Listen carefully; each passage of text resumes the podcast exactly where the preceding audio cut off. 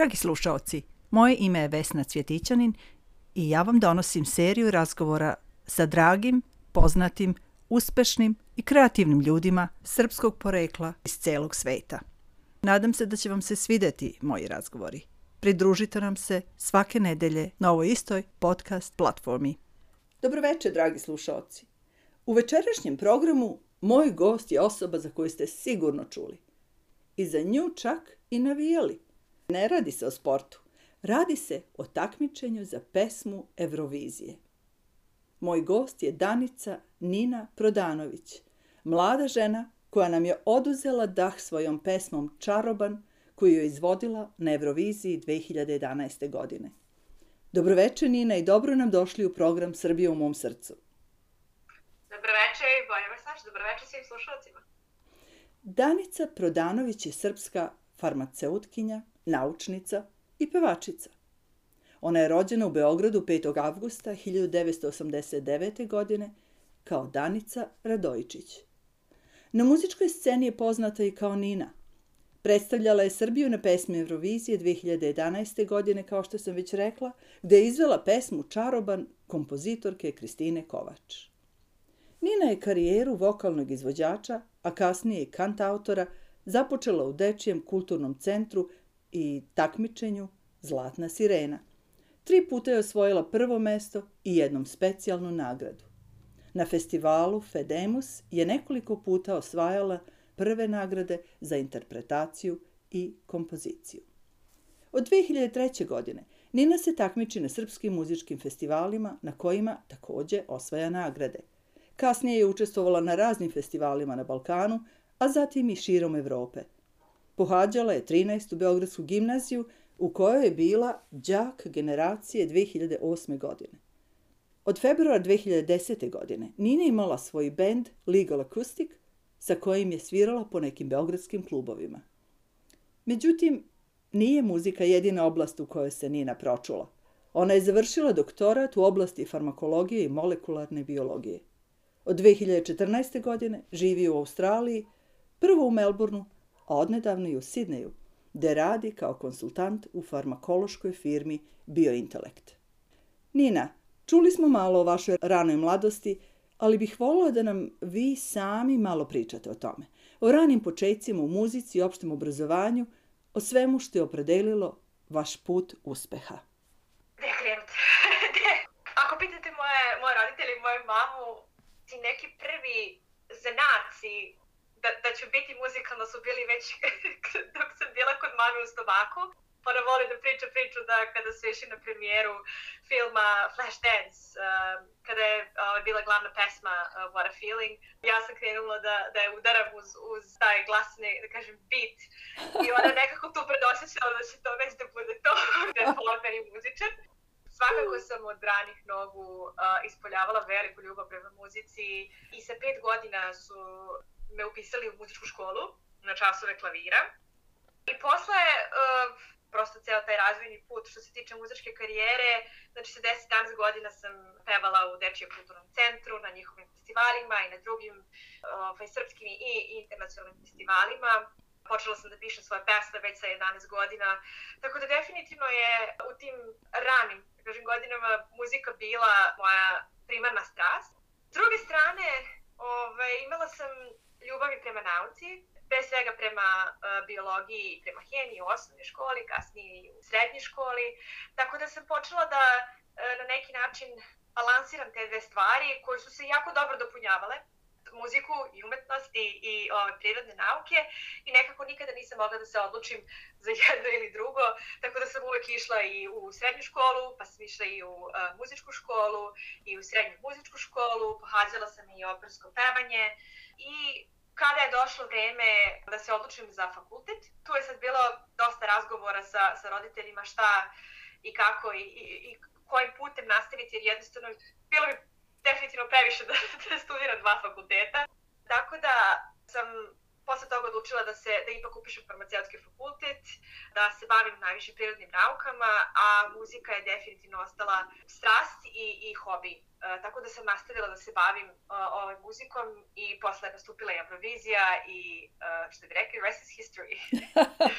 Dobro, čućemo mnogo više o tome u da, daljem delu našeg razgovora, ali samo još da se zadržimo na tom delu koji se odnosi na tvoju, ajde da kažem, tvoju porodicu i tvoje odrastanje. U jednom članku sam pročitala da si uvek imala veliko poštovanje prema tvojim roditeljima. Hajde mi ispričaj o tome. Znam da je sigurno bilo veliko i sama sam roditelj dvoje dece i to zaista zahteva puno truda roditeljskog i verujem da su i tvoji roditelji sve posvetili i podredili tvom uspehu. Ali ispričaj mi o tome. Pa kako da ne? Uvek se na neki način hvalim ljudima da sam imala jedno prelepo detinstvo, bez obzira na neke spojne faktore koji su, koji su se pojavili za vreme mog odrastanja, ovaj, da ne pominjem i bombardovanje i tako dalje, 99. ali prosto svaki put kada, kada razmišljam o tome, i u svom detinstvu. Ja imam samo lepe uspomene, uh, imam uspomene toga da, da, su, da, da su moji roditelji bili prepuni ljubavi i podrške pre svega, kako i za mene, tako i za mog brata i da su podržavali sve naše odluke, pa čak i do trenutka kada, i u trenutku kada je došlo da, da, da se odlučim da uh, se preselim na drugu stranu planete, ovaj, u Australiju, sama, sama činjenica da, da, da vas saslušaju i da, da on diskutujemo i da uvaže vaše mišljenje uh, i da kažu svoje mišljenje i to je sve dovelo do toga da uh, eto, uh, mogli smo da donosimo neke svoje odluke, ali uz apsolutnu podršku i savet naših roditelja. I takav vid vaspitanja i odrastanja definitivno i dan danas pokušavam da uh, ovaj, prenesem i na, na svog sina i mislim, buduću decu. Tako da ovaj, e, mislim da je to jedna, naj, jedna najbitnijih stvari. Znači podrška i ljubav, ali opet da ostane ta neka uh, samostalnost. Pa to je baš divno čuti i mogu ti reći da koliko ja shvatam taj osjećaj samo odgovornosti kod mladih ljudi i podrške od strane roditelja je zaista jedan od ključnih faktora u daljem uspehu u životu. Danice, Ovaj bih deo volila da posvetim tvom naučnom radu. Ti si farmakolog i imaš doktorat u toj oblasti. Ajde, molim te, ukratko mi reci o čemu se sastojala tvoja doktorska disertacija. Ja sam dosta čitala o tome, objavila si puno naučnih radova. Tema je fantastično komplikovana i fascinantna. Ajde nam reci malo tako da te svi mi razumemo. pa upravo, upravo ovaj, koliko je komplikovana, toliko je komplikovano da se i, i ovaj, objasni nekome ko, ko nije u struci. Uh, moja disertacija je bila vezana za astmu i za ostale inflamatorne bolesti pluća. Ja sam ispitivala epitelne ćelije ljudi uh, i šta se dešava kada, kada te ćelije dobiju jedan od poznatih kažemo, lekova za astmu, uh, što su glukokortikoidi jedna populacija pacijenata uh, ne reaguje dobro na, na, na tu terapiju, što se zove rezistentan oblik astme. I prosto sam želela da ispitam šta se to tačno dešava u njihovim ćelijama i šta može da se uradi da uh, se prosto poboljša ta senzitivnost i da, da ponovo krenu da reaguju na, na tu terapiju. E, tako da sam ispitivala različite signale u ćelijama, proteine, prepostavljam sad za vreme ove e, pandemije, dosta ljudi znaju već i ćelije i proteine i ostale e, naučne izraze vezano za, za imunološki odgovor, tako da ovaj, eto da kažemo da je to bio uh, ovaj, da je to bila osnova moje disertacije, a opet je to bilo ovaj, raznog, raznih tehnika E, i rada kao što su ispitivanja na, na ćelijama baš ljudi koji onako stignu uh, i pacijenata koji stignu iz bolnice do različitih uh, e, PCR metoda i različitih metoda koje ispituju i RNK i tako dalje. Tako da uh, zaista jedan, jedna interesantna oblast ovaj, za, za naučno ispitivanje. Jeste jedna e, toliko neograničena oblast za istraživanje, zato što pretpostavljam i čitajući te radova, naravno i u drugim oblastima, kada se radi doktorat, čovek mora toliko da se e, ograniči na određenu temu i samo da ide dublje i dublje i dublje u tom istraživanju. A sve one druge stvari, verovatno si pomislila, oh, što bi volela o, to da, o tome da, da, da uradim doktorat ili da istražim, je li tako? Apsolutno, ove, i jako je teško za, za jednog naučnika da se odluči za, jer svaki put kada dobijete neki novi rezultat koji je potencijalno E, može da ukaže na nešto tu tamo ovaj, novo, interesantno, e, mnogo je teško e, odlučiti, ne, ne možemo da krenemo tim putem, već ispitujemo ovo, hajde da završimo ovaj deo pa da, pa da krenemo na nešto drugo. Tako da, i opet ograničene vreme, znači radila sam doktora četiri godine, mm, tako da ovaj, postoje neki da kažemo, milestones i ti, ti neki ovaj, krucijalni momenti koji moraju da se dostignu da bi se, da bi se doktorat uh, uspešno završio. Naravno, naravno. Reci nam, Danice, gde si završila doktorat? Uh, doktorat sam završila uh, na univerzitetu u Melbourneu, u, u tada se zvao Immunopharmacology uh, Lab, danas se to zove Mechanopharmacology Lab, znači ima mali mehaničkih inženjera i mehaničkih stvari, tako da uh, ovaj, laboratorija je dosta evoluirala od, kad, od kada sam završila čet, mm. te četiri godine. I to je, pretpostavljam, bio jedan od razloga, želja da završiš doktorat, bio jedan od razloga da dođeš u Australiju. Ali kako si se ti i tvoj muž, gde ste se sreli? Da li je to bilo pre nego što ste došli u Australiju ili imali priča oko toga? A ima interesantna je priča da mi smo se upoznali 2011. godine i to par dana pre nego što je počela cijela priča oko Eurovizije. to na jednoj od mojih svirki sa, sa mojim bendom.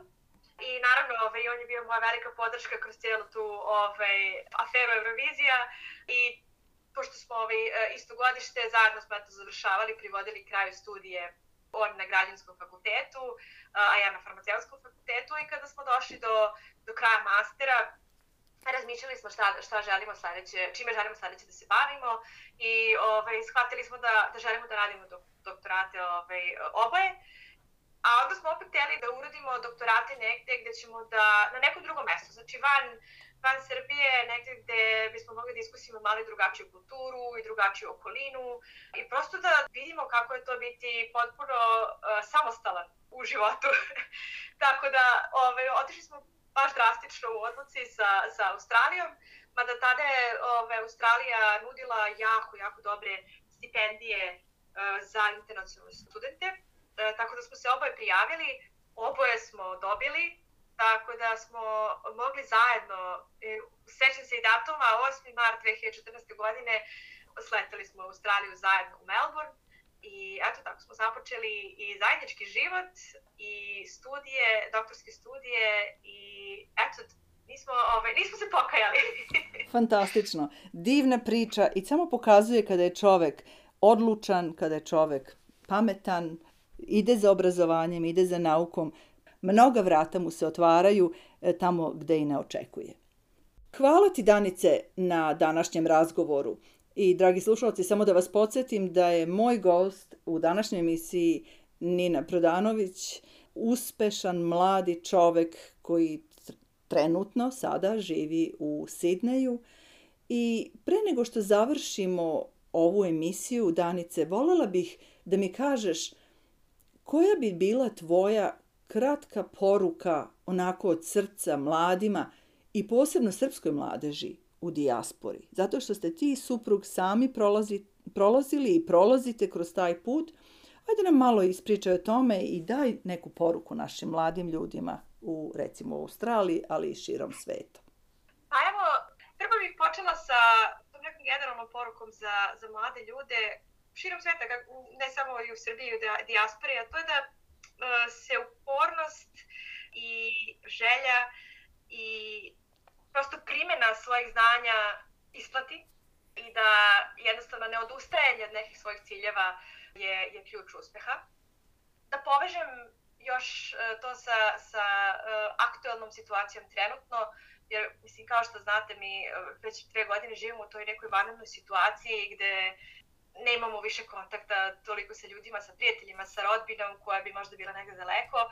Mislim da je ta druga poruka je da smo zajedno jači, da na bilo koji način da uh, mladi ljudi uh, budu u svoju porodicu, da urade sve što mogu, da pomognu njima, da ih zaštite i jednostavno da pričaju uh, sa ljudima, jer uh, mislim da je to uh, trenutno preko potrebno. Tako da, recimo da su te dve velike poruke da je ključ uspeha upornost i ne odustajanje od svojih snova i zajedno smo jači. To su dve veoma važne i mudre poruke. Hvala ti, Nina. Ali sada si me podstakla i potakla da te pitam u vezi pandemije. Nije to svrha našeg razgovora, naravno, ali uh, u današnje vreme i sa tvojom profesijom, sa tvojom strukom, sigurna sam da bi imala nešto da nam kažeš i da nam poručiš. Pa evo, da se nadovežem na, na ovaj, pa, pandemiju i trenutnu situaciju i šta možemo svi da uradimo da se ova priča na neki način bar postavi u, u neku pozadinu, da ne bude toliko više aktualno, nadam se. Vakcinacija je ključ i mislim da to svi čujemo uh, iz dana u dan od, od vlasti i uopšte i od uh, ovaj, uh, vrha u kojoj god državi Australije živimo. Tako da, ovaj, i ne samo ovde, nego bilo gde u svetu. Ključ je u tome uh, da se svi vakcinišemo, kako i mladi, tako i, tako i stari, da zaštitimo sebe, da zaštitimo svoje, svoje voljene i da se prosto ova neka situacija mislim kao farmakolog i kao neko ko zaista ovaj, radi u, u, u toj struci, mogu da tvrdim da su vakcine bezbedne, da su efikasne i da prosto trebalo bi, ukoliko niste sigurni, popričajte sa, sa nekim ko, ko zna o tome, kao što su ovaj, vaši doktori, a eto, odredite koji je vaš rizik. E, mislim da je trenutno rizik od bilo kakvih drugih nuspojava e, iz, mnogo, mnogo manji od rizika da, da se neko zarazi virusom, tako da ovaj, e, eto, poruka je vakcinišite se e, i zaštitite svoje voljene. Hvala ti puno na ovoj poruci, jasno, glasno, od vrhunskog naučnika. I Nina, za kraj, molim te reci nam tvoju treću muzičku želju. Treća muzička želja je moja, jedna od najnovih pesama. Do duše već je prošlo prilike dve godine kada sam je objavila. Ova, ova pesma je sada na srpskom, zove se Nemoćna. I nju sam već napisala u Sidneju i snimila. Video je jako interesantan, možete otići na, na ovaj, Nina Music YouTube uh, kanal da pogledate video koji je odradio uh, moj suprug. Tako da, uh, eto, sledeća pesma i za kraj Nina Nemoćna. Dragi slušalci, ovo je bila Danica Nina Prodanović. Meni je bilo izuzetno zadovoljstvo da sa tobom porazgovaram. Nadam se da će sve da bude uspešno i ono što očekuješ u, u, od svoga života i u budućnosti. Hvala ti puno.